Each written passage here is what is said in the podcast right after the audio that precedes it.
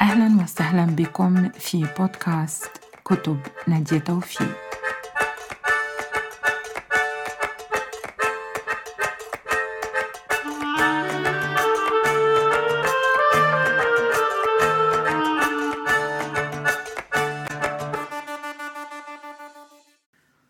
مساء الخير. مرحبا بالجميع في بودكاست نادية توفيق.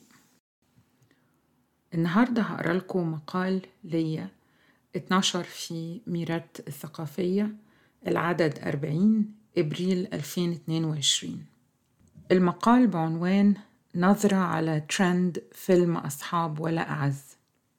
والمقال بيفحص ردود الأفعال على مواقع التواصل الاجتماعي تجاه أزمة فيلم أصحاب ولا أعز. ما يحدث على تويتر؟ أرى أن الضجة المثارة حاليا حول فيلم أصحاب ولا أعز هي ضجة صحية وليست بالضرورة أزمة تحتاج إلى تدخل سريع من المشرعين أو الإعلاميين أو الأزهريين. اللهم إلا إذا تطورت إلى إحداث ضرر على نطاق عام. ولا أتصور أن الأمور ستؤول إلى ذلك. الحوار المجتمعي مفيد لأنه يسمح بتطبيق عنصري الديمقراطية الأصليين على الطريقة الآثينية وهما إيزيغوريا أي حق الانخراط في الحوارات العامة و باريزيا أي حق الفرد في التعبير بالكيفية التي يشاء وبالتوجه إلى من يشاء. ومن هنا أرى أن مواقع التواصل الاجتماعي وبالتحديد تويتر وتليجرام تمنحنا حرية التعبير الديمقراطي تلك.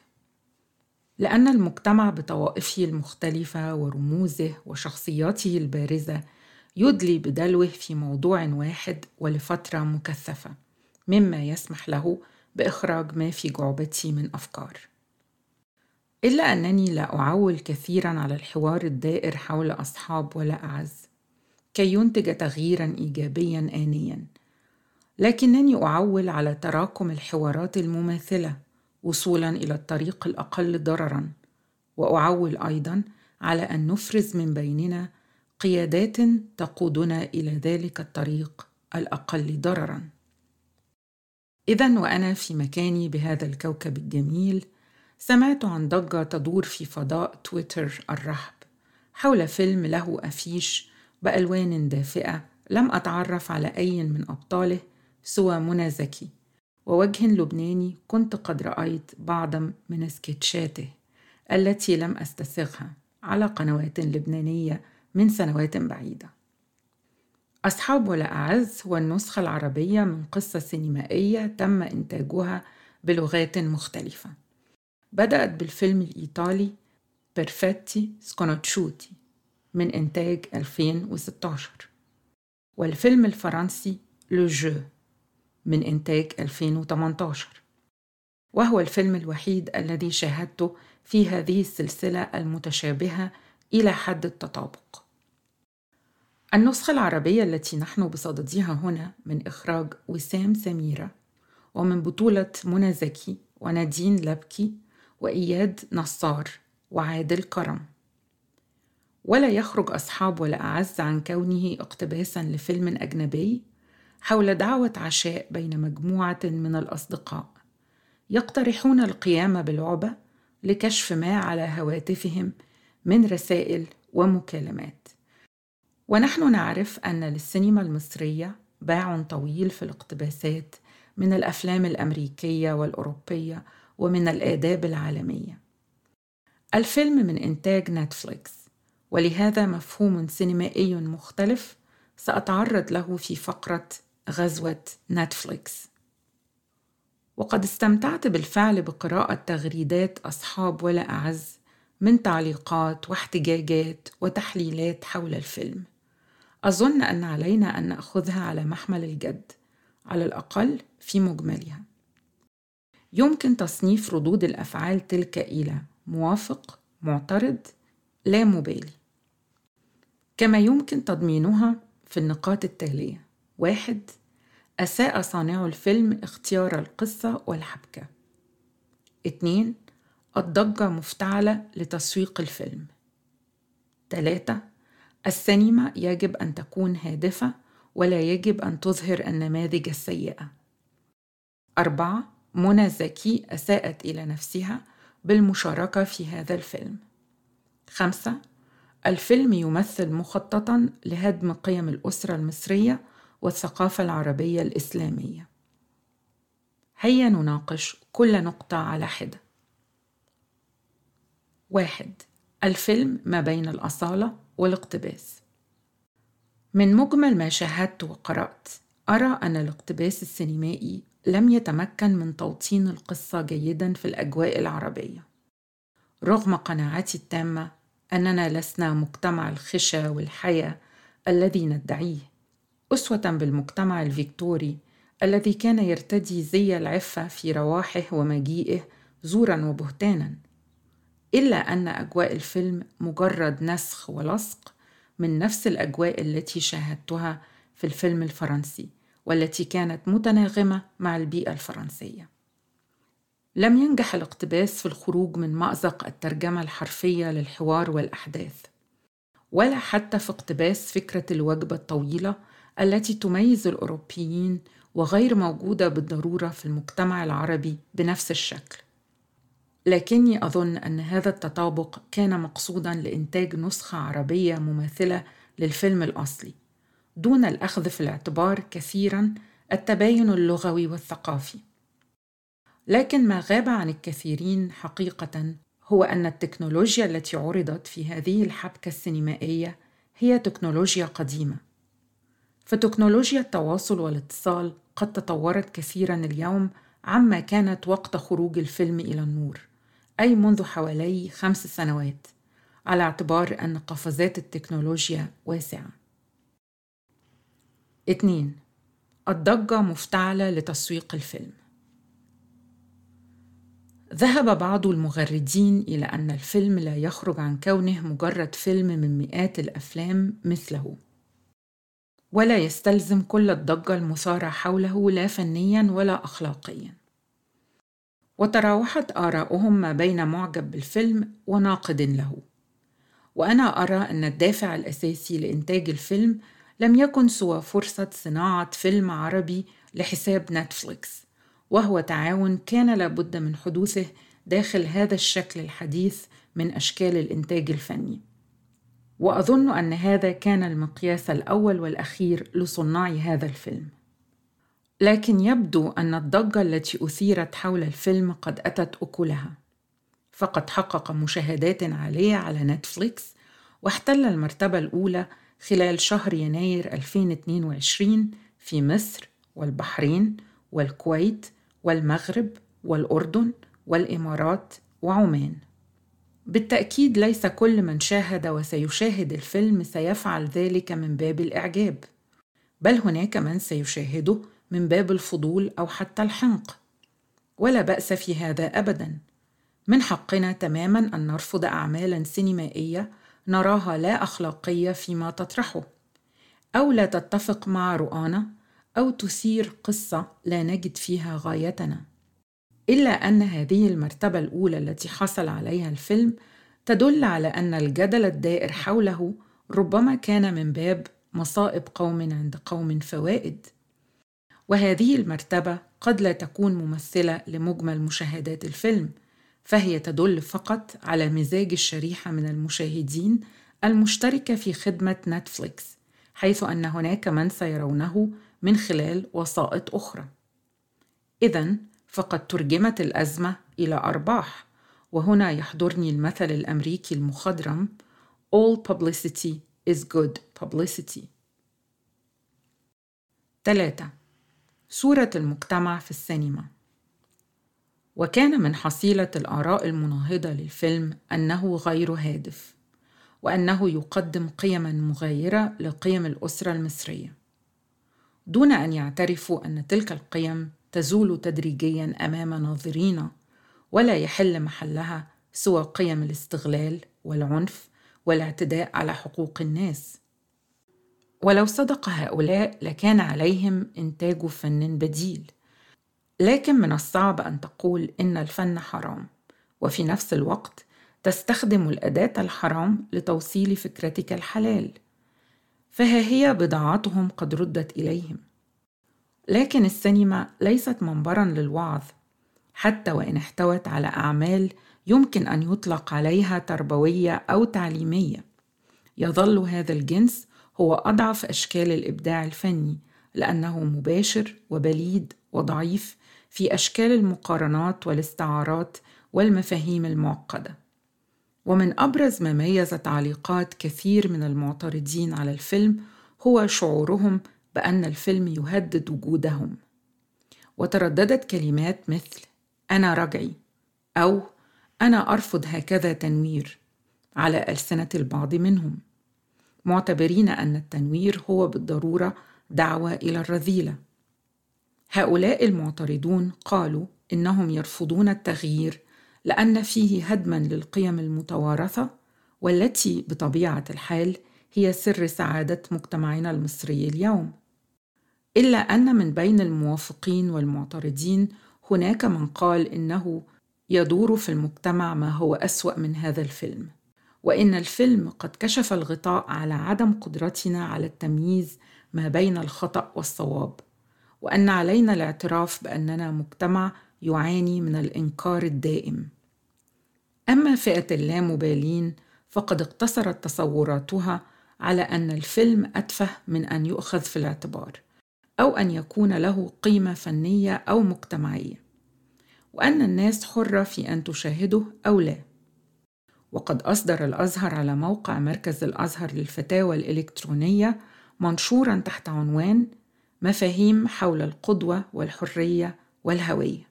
تناول جملة الموضوعات التي أثيرت حول الفيلم وكان مما قال التمرد على الفضيلة والتنكر لقيم المجتمع السوية بمخططات وحملات ممنهجة ليس حرية أو تحررا أو إبداعا بل هو إفساد وإضعاف للمجتمعات وغمس لها في أوحال الرذيلة.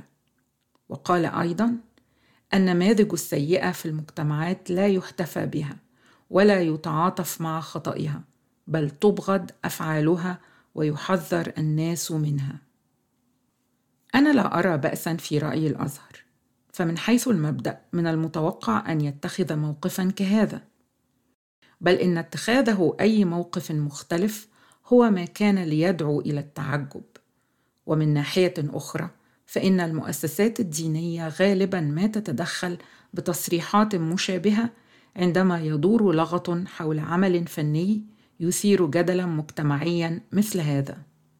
بل إن هناك قوائم بالأفلام التي ينصح المسيحيون بعدم مشاهدتها وهي عملية تدخل في باب الاختيار الحر. فمن حق الناس أن تتواصى بما تراه صحيحا. وهذا النوع من التصريحات هو حل أفضل من المنع والحظر الذي كانت تمارسه الكنيسة حتى خمسينيات القرن الماضي. على سبيل المثال كانت الكنيسة الكاثوليكية تدين قائمة بأفلام هوليوود التي تراها منافية لقواعد الحشمة بل إنه في مقاطعة الكيبيك الكندية وخلال الفترة التي هيمنت فيها الكنيسة على التعليم والثقافة كانت هناك قائمة بالكتب التي يمنع تداولها. اقتراحات المنع والرقابة التي تبناها البعض ومن بينهم نواب في البرلمان المصري لن تخلق سوى ما يشبه السوق السوداء التي قد تؤدي إلى انتشار ما هو ممنوع بشكل أكبر. أما اقتراحات التوعية بل والمقاطعة فهي من حقنا كبشر وهو ما يسمونه بالإنجليزية voting with your dollar. ما قاله الأزهر حول النماذج السيئة في المجتمع يدخل في باب حرية الإبداع. فمن حق المبدع أن يتحدث عن أي موضوع يشاء وأن يخلق ما شاء له من الشخصيات. والإبداع هنا لا يكون تقريرا بحيث يملي على المشاهد كيف له أن يشعر تجاه الشخصيات. إلا أن هناك رسالة قد توجه من خلال مجمل أعمال مبدع ما مثل أعمال أسامة أنور عكاشة في التلفزيون أو سينما الواقع التي أفضل أن أسميها سينما الواقع المؤدلج لصلاح أبو سيف. أو مشروع مجد السينمائي في الفترة التي اهتمت فيها بتقديم كلاسيكيات الأدب العالمي إلى المشاهد العربي. في نهاية الأمر يقدم العمل الفني إلى المتلقي، وعليه أن يتقبله أو لا يتقبله. هذا أمر مفروغ منه. ولكن بشكل موجز السينما ليست منبر خطابة ووعظ. الفن يقدم ما يشاء، ونحن ننتقي وننتقد ما نشاء. بل ونحتاج أيضا. يجب أن تكون لدينا تلك الشجاعة. كيف نخاف من تلك الحروب الصغيرة؟ ونحن نتواجد على منصات تقطيع الهدوم على ال social media ليل نهار. أربعة منى زكي وملابسها الداخلية. الآن دعوني أطرح سؤالا يزعجني جدا. ما دخل منى زكي في خلع الشخصية في الفيلم لملابسها الداخلية أعني هل فعلت منى زكي ذلك علنا؟ لماذا لا نقدر على استيعاب الفرق بين الممثل والدور الذي يؤديه؟ منى زكي ليست هي الزوجة المنخرطة في علاقة خيانة افتراضية حتى تتعرض مباشرة لكل هذا الحنق والسخرية والتنمر. الممثل كما يقول معجم اللغة العربية المعاصر هو الذي يقوم بدور أحد أشخاص الرواية التمثيلية المعروضة على المسرح أو على شاشة السينما أو على شاشة التلفزيون. لكن هل يمكن الفصل بين الممثل وأدواره؟ بالتأكيد. صحيح أن الممثل مسؤول عن اختيار أدواره واختيار القصص والحبكات والأفكار التي تقدم من خلالها تلك الأدوار، وبهذا يكون مسؤولا عن الرسالة التي تقدمها أعماله وعن قيمتها الجمالية والفنية والأخلاقية والفكرية. لكن لا يمكن بأي حال من الأحوال أن نسقط الحائط الرابع مع سبق الإصرار والترصد. الممثل كإنسان يتأثر بالأدوار التي يؤديها كما تقول الورقة البحثية التي نشرت في Royal Society Open Science. وقدمها باحثان في جامعة ماكماستر بأونتاريو. تقول الورقة إن التمثيل يحدث تغييرات عصبية في مخ الممثل وإنه كظاهرة عصبية إدراكية يقوم بعملية تثبيط للذات. وقد توصل الباحثان عن طريق المسح الرقمي إلى إثبات حدوث تلك التغييرات العصبية. التي حدثت في مخ الممثلين الهواة المشاركين في البحث أثناء أدائهم لدوري روميو وجولييت. وتشمل تغييرات شاملة في نشاط المخ وبالذات في الشبكة القشرية الوسطى من الفص الأمامي. مما يعني أن الممثل وهو يؤدي دورا ما يتخذ وجهة نظر الشخص الثالث هو أو هي. مما يدفعه إلى تثبيط نفسه أنا. أثناء عملية الأداء. إذا أخذنا هذا في الاعتبار تكون منى زكي وهي تؤدي دور الزوجة المحبطة أبعد ما تكون عن منى زكي وأقرب ما تكون إلى الزوجة. يشير البحث كذلك إلى أن تراكم تلك التغييرات قد يحدث تطورا في شخصية الممثل ما كان يمكن لها أن تحدث لو لم يكن ممثلا. أي أن منى زكي ما كانت لتصبح الانسانه التي هي عليها اليوم لو لم تكن الممثلة منى زكي التي أدت كل تلك الأدوار. ولكن هذا لا يعني أنها تلك السيدة التي ظهرت في فيلم أصحاب ولا أعز التي انهال عليها الناس بالتنمر والسباب والإهانة. سيكون حقا من السطحية حتى أن نتصور أن منى زكي تتطابق في مبادئها وخياراتها مع الشخصيات التي تجسدها. اللهم إلا إذا أقرت هي بذلك. وقد قامت منى زكي بالفعل بالرد على سؤال طرحته نتفليكس على نجوم الفيلم. هل تلعب اللعبة في الواقع؟ قائلة اللعبة أكيد ألعبها في الحياة العادية. ما عنديش أي مشكلة لأن يعني أنا عموما ما عنديش أسرار رهيبة في حياتي خالص. فما كان إلا وانهالت عليها تعليقات المغردين بالسباب واللعنات والتخويف من مصير مجهول ومن عقاب الله لها في الدنيا والآخرة. ولم ينتبه سوى القليلون إلى أن منى بتصريحها هذا تقول إن اللعبه تكشف خداع الناس لبعضهم وإنها بموافقتها على اللعب فكأنما تقول ليس لدي ما أخفيه عن عائلتي وأصدقائي وهذا شيء محمود. بمعنى أنها ليست خائنة وليس لديها حياة سرية. اذا لماذا انهالت اللعنات على رأسها؟ أظن أن كثيرا من المغردين لم يتجشموا عناء قراءة المقال أو حتى تصفحه ناهيك عن محاولة مشاهدة الفيديو الذي صورته نتفليكس مع الممثلين. وهنا يجب أن نذكر ما يسمى في عالم ال social media بعقلية الهمج أو mob mentality وتسمى أيضا عقلية القطيع herd mentality وهو سلوك بشري عادي لكنه أخذ صورا خاصة بعد تنامي تأثير الإعلانات والدعاية. وتطور مع ظهور مواقع التواصل الاجتماعي الذي خلق ما يعرف باسم التأثير influence. أي تأثر الرأي العام بوجهات نظر نجوم ال social media ممن يعرفون بال influencers في قضية ما أو مع أو ضد شخص ما واندفاع الجموع في ذلك الاتجاه. وفي حالات كثيرة يخلق ذلك حالة من الاندفاع في اتجاه إحداث أكبر قدر ممكن من الإصابات والخسائر في جسد الهدف الذي قد يكون مثل منى زكي هدفا سهلا. فهي امرأة والصورة الذهنية عنها تدل على كونها هادئة ومسالمة بلا مخالب ولا سوابق في إثارة الجدل. فيتكالب عليها المغردون من كل حدب وصوب ويشاركون في حملة الانتقاد والسخرية. ويكون أكثرهم لا يعرفون عن الموضوع سوى عنوانه وبعض الجمل الرنانة التي يتم تداولها داخل الهاشتاج المخصص لذلك الهجوم. وتويتر مشهور بأزماته تلك وحروبه المندرجة تحت ذلك التصنيف لكن لماذا تم وضع منى زكي دون غيرها في صدارة مرمى نيران المدفعية الثقيلة أبسبب مشهد خلع الملابس الداخلية؟ أم لأن الجمهور لم يعتد منها ذلك النوع من المشاهد؟ ربما يقدم هذا الطرح تفسيرا لتوجيه سهام حملة الميمز عليها حيث أن الجمهور كان يضعها في خانة البراءة وهي إحدى خانتين يخص بهما الجمهور في شرقنا الممثلات فيما يتعلق بنمط أدائهن. أما الخانة الأخرى فهي خانة الإغراء. أما بالنسبة إلى خلع الملابس الداخلية فهذا ليس حدثا فريدا في السينما المصرية بل قدم مرات ومرات إيحاء وصراحة.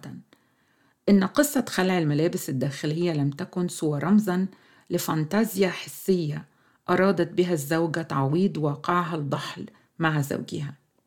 فدخلت في لعبة رمزية بلا معنى حقيقي مع صديق لها في العالم الافتراضي. إنها فانتازيا الجنس غير المشبع والزوجة تؤدي الفعل كطقس يوهمها بأنها تحس شيئا ما. إن خلع منى زكي لملابسها الداخلية لم يكن تمهيدا لليلة حب مع أي شخص بل كان تعبيرا صريحا عن احتياجاتها غير المشبعة. ومن هنا جاءت الثورة عليها وعلى المشهد. وقد أكدت بعض التغريدات على أن التركيز على الملابس الداخلية النسائية لا يدل سوى على القهر والكبت بكافة أشكاله الذي تعاني منه الشعوب العربية. كما في هذه التغريدة. فيلم أصحاب ولا أعز فيلم تافه. لكن إذا صورة ملابس داخلية هزت مجتمعكم فمجتمعكم مبني على قاعدة هشة سهلة الاهتزاز. انتهت التغريدة. إن مجتمعاتنا تخاف أن ترى أجسادها. تخاف من الملموس. تعتبر أقله خطا وأكبره خطيئة. إننا نرجع كل الأشياء إلى فكرة الجنس ورمزيته. وإن كانت خاوية. لا نستطيع أن نتحرر من تبعيتنا إلى هذه الفكرة. لا نستطيع الإقرار بأن أجسادنا تشغل حيزا من الفراغ وأنها تتحرك وتقوم بأنشطة وأن عقولنا أكبر من مساحة الجسد المحدودة. لا نستطيع أن نتحرك خطوة في أي اتجاه دون أن يصيبنا رذاذ الأفكار المرتبطة بالجنس. فما بالك والجنس أحد موضوعات الفيلم الذي لعنه الكثيرون منا. خمسة غزوة نتفليكس. أخيرا هناك من رأى في القيم النافذة إلينا عبر قنوات الفن العابر للحدود قيما هدامة.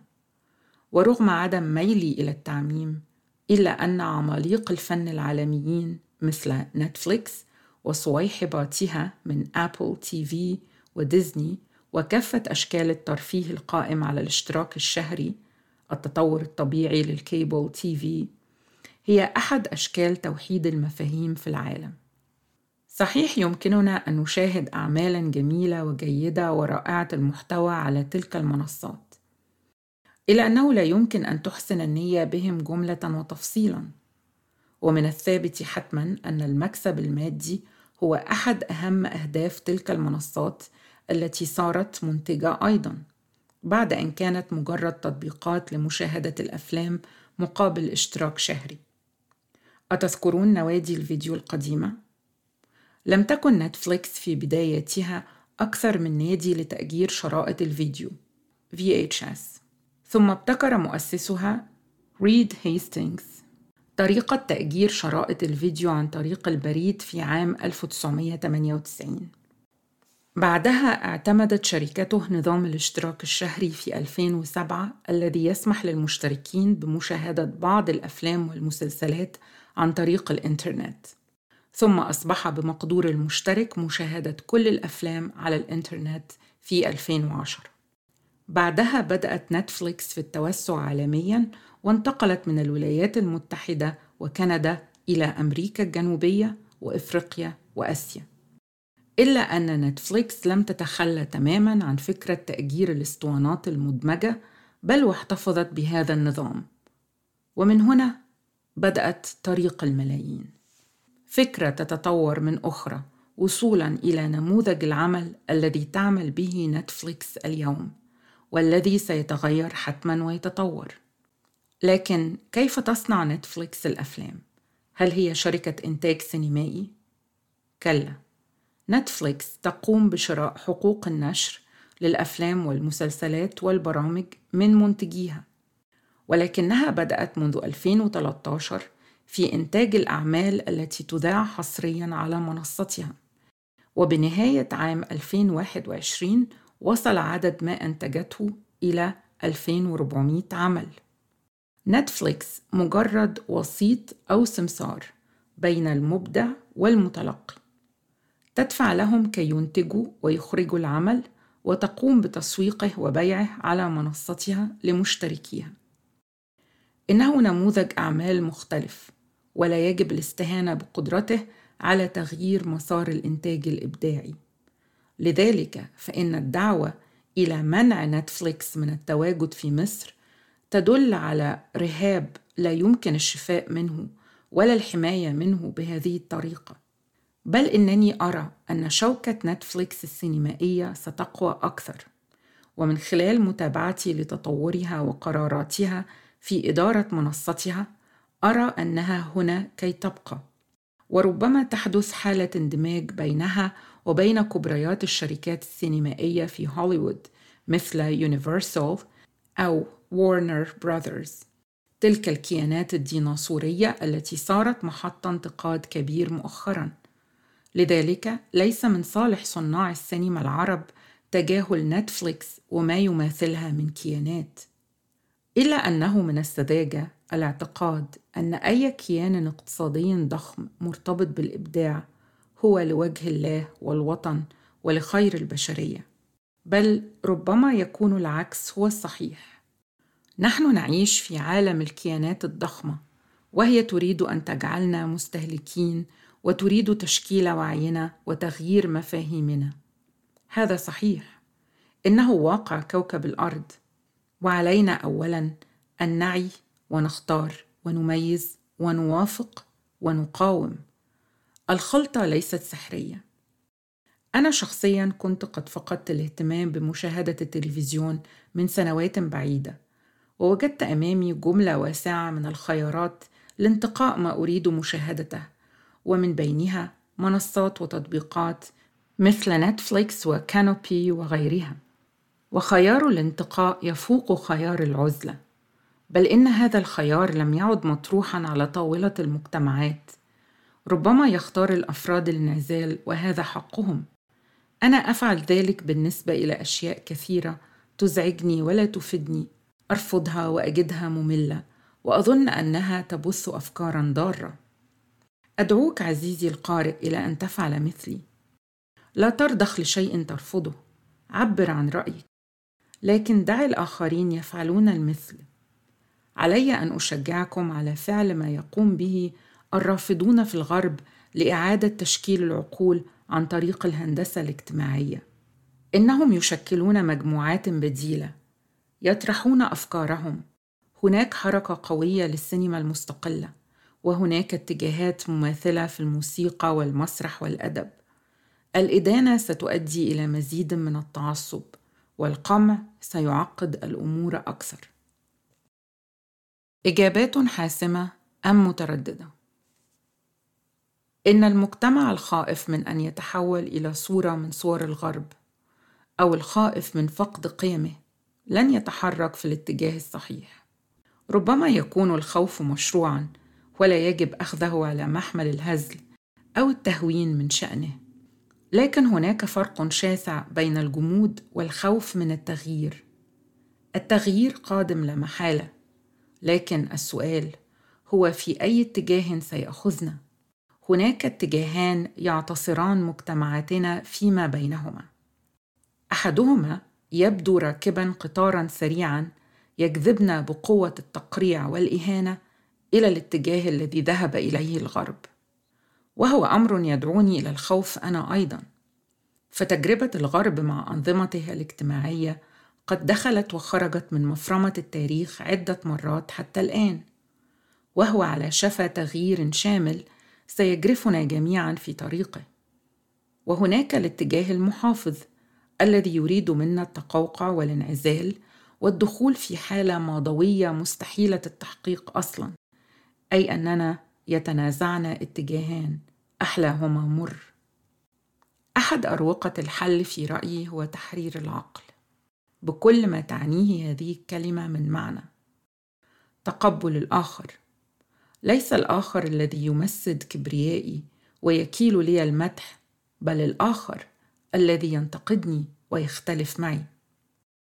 تحرير مؤسساتنا العامة من كل أشكال التمييز الديني والعرقي والطائفي والجندري.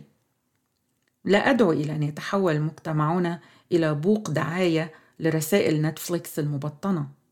وهذا هو الفرق بين الاستلهام والترجمة الحرفية. علينا استلهام تجارب العالم الناجحة وفحص الأفكار كلها دون انحيازات مسبقة قدر الإمكان لاختيار الجيد منها. والتحرر من يوتوبيا الشرق التي لم تكن يوما ولن تكون. فأي يوتوبيا يعتبرها ساكنوها كذلك؟ ما هي في الحقيقة إلا ديستوبيا.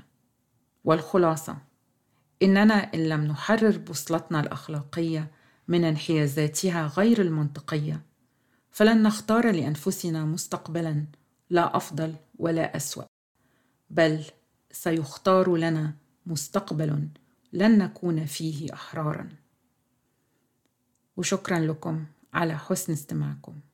إلى اللقاء.